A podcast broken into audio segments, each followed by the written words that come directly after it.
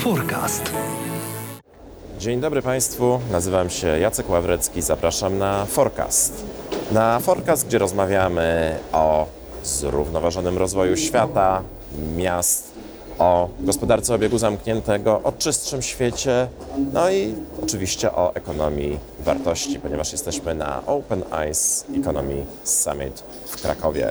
A wraz ze mną jest twórca Open Eyes Economy Summit, pan profesor Jerzy Hausner. Witam serdecznie. Panie profesorze, Open Eyes Economy Summit, ekonomia wartości. Ja się tak trochę czuję jak taki niedouczony student i chciałbym wykorzystać tę naszą rozmowę na korepetycję. A od kiedyś, co prawda, troszeczkę ekonomii liznąłem, ale nie wiem, czy to się w Krakowie liczy, bo to było w Warszawie na SGH. Liczy się. Liczy się? No niemożliwe. Ale tak czy inaczej mam takie poczucie, że ekonomia w ogóle jest o wartościach. Nie da się mówić o ekonomii bez wartości. A to mogą być różne wartości. Co jest nowego w dyskusji o ekonomii wartości? Czym w ogóle jest ekonomia wartości? To prawda, e, że nie da się ekonomii, ekonomii uprawiać i o ekonomii mówić bez odnoszenia się do czegoś, co nazywamy wartościami. Tylko jest pytanie, jak się te wartości rozumie, do czego się je sprowadza. Jeśli się rozumie wartości jako cena, jako zysk, czyli coś, co nie ma ceny, coś, co nie podlega sprzedaży, coś, co nie jest dokonywane przez wymianę rynkową, uznajemy za bezwartościowe, to znaczy, że widzimy to bardzo wąsko, skrajnie wąsko i takie rozumienie ekonomii i działalności gospodarczej prowadzi do czegoś, co powszechnie zaczęto nazywać ekonomią chciwości. Tak? Jeśli najważniejszy jest e, zysk, najważniejszy jest pieniądz, to wszystko, co nie jest opłacane, e, jest bezwartościowe. Ale właśnie rzecz polega na tym, że bardzo często to, co nie ma ceny, jest o wiele ważniejsze i wiele bardziej wartościowe niż to, co podlega sprzedaży. W związku z tym my nie mówimy, że nie należy rozmawiać o zyskach, że nie należy rozmawiać o pieniądzu, że nie należy rozmawiać o cenach, o wycenie i o rynku. My mówimy, że to niezbędny element ekonomii, ale niewystarczający. Dlatego mówimy o ekonomii wartości, przeciwstawiając jej ekonomii chciwości, chcąc widzieć w działalności gospodarczej szersze spektrum. Gdyby to przenosić do rozmowy ze studentem, to powiedziałbym tak, że my powinniśmy uczyć studentów zrozumienia dwóch różnych tradycji nauk ekonomicznych. Jedna tradycja to jest ta tradycja, która wiąże ekonomię z naukami ścisłymi. Tu mieści się między innymi ekonometria, po części statystyka, ale nie, ekonometria jeszcze bardziej. Tu mieści się modelowanie matematyczne. Ale jest druga tradycja, która wywodzi się od Arystotelesa, która wiązała, wiązała działalność gospodarczą z filozofią, a zwłaszcza z etyką. I chcę podkreślić, że student ekonomii musi znać obydwie te tradycje, umieć posługiwać się narzędziami nauk ścisłych i umieć myśleć, myśleć jak filozof.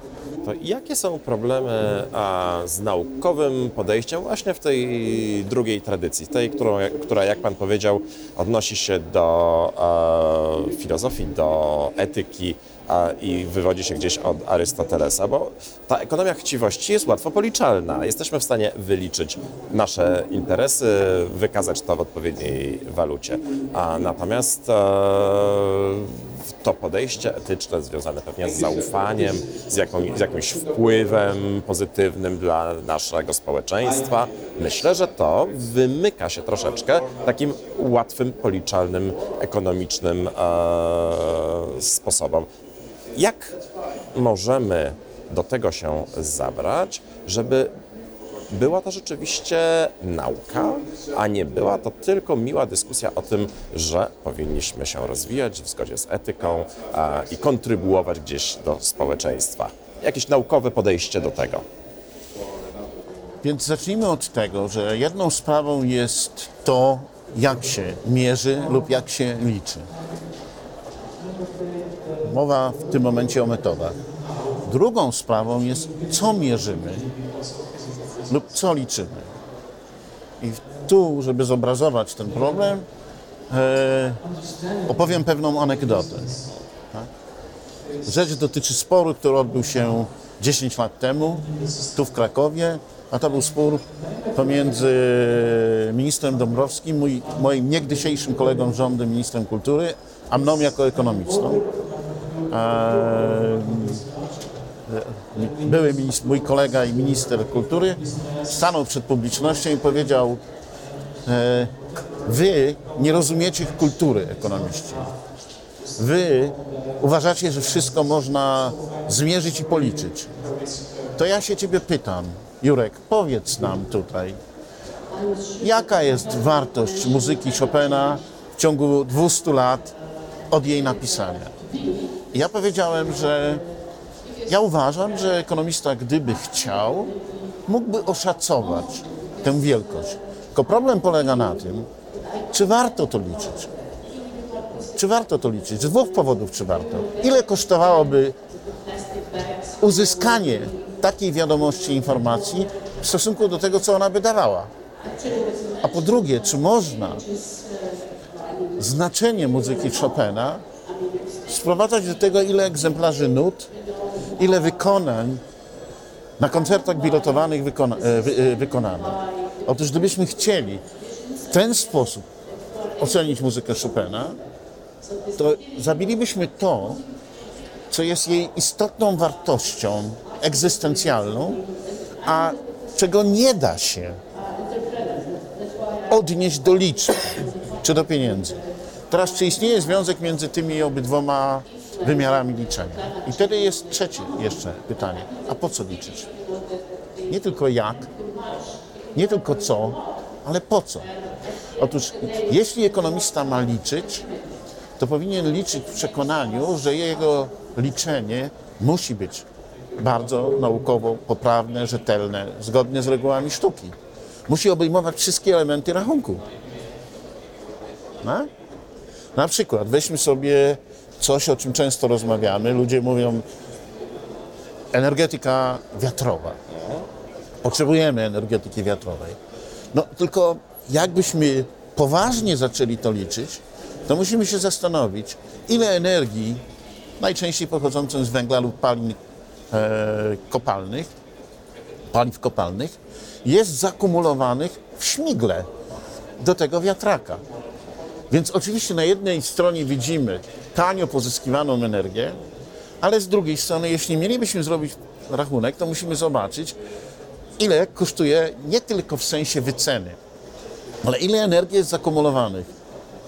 Czy przypadkiem nie jest tak, że jeśli uruchamiamy energetykę wiatrową bezkrytycznie, bezmyślnie, to z jednej strony żeby uruchamiać te wiatraki, potrzebujemy kopania tych paliw płynnych, ale z drugiej strony energetyka wiatrowa ma to do siebie, że nie można tej energii magazynować. A w związku z tym natychmiast rodzi się problem, jak pogodzić energetykę wiatrową z konwencjonalną. I znowuż musimy sięgać do węgla. W związku z tym, ja nie chcę powiedzieć, no cóż, na końcu zawsze wychodzi, że jest nam potrzebny węgiel.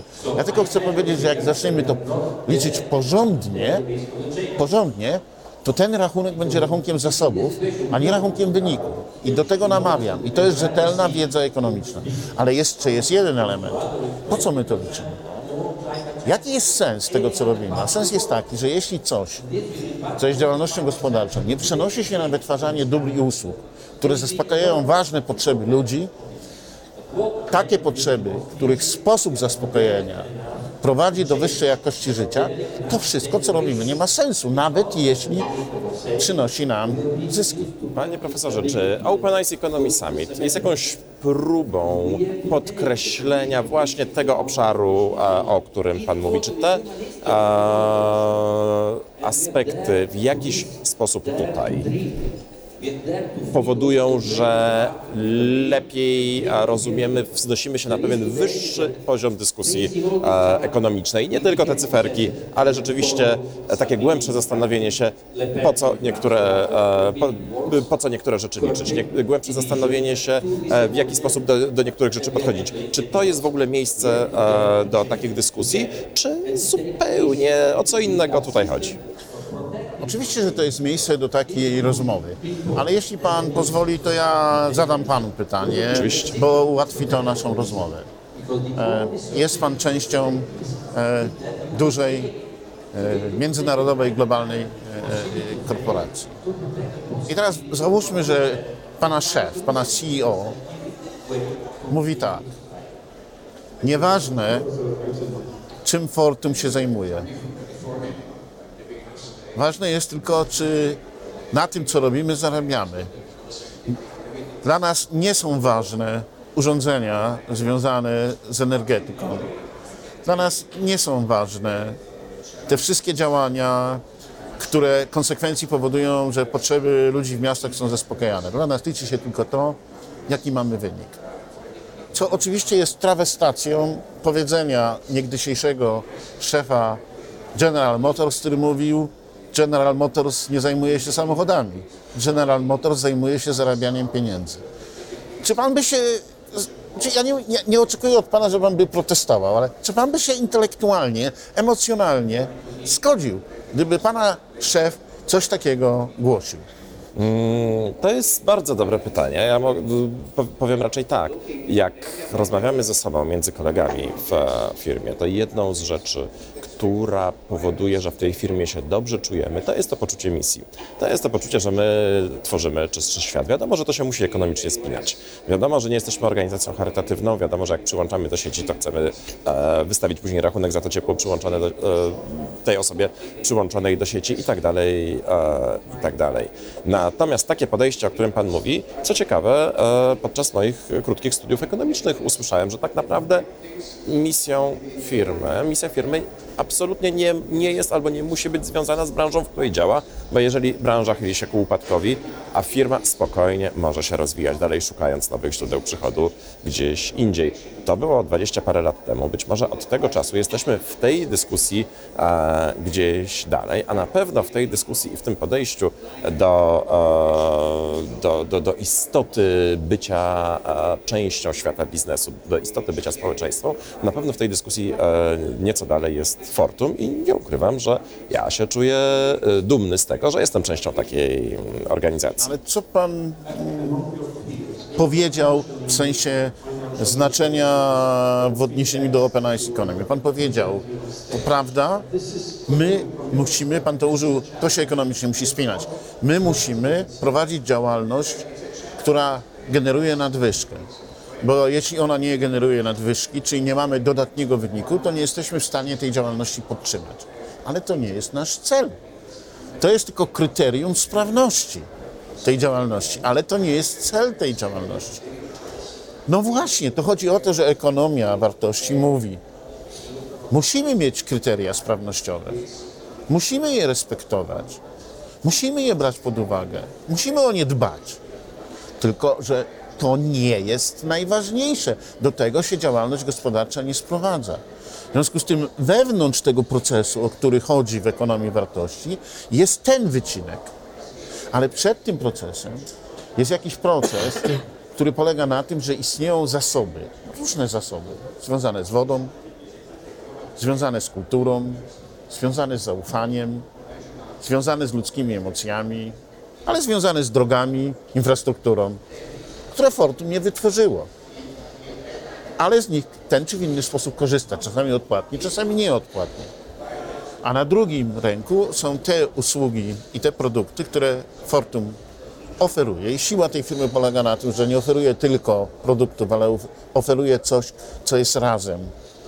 Coś, co jest razem i coś, co służy nam wszystkim w tym kierunku, który sobie gdzieś na sztandarach wpisaliśmy, czystszego świata. Tak, to oznacza, że macie świadomość, że macie wytwarzać takie produkty i takie usługi i tak je razem kojarzyć, żeby wasz klient miał zaspokojone wasze ważne potrzeby, które nie są potrzebami tylko tego klienta, tylko potrzebami także innych ludzi.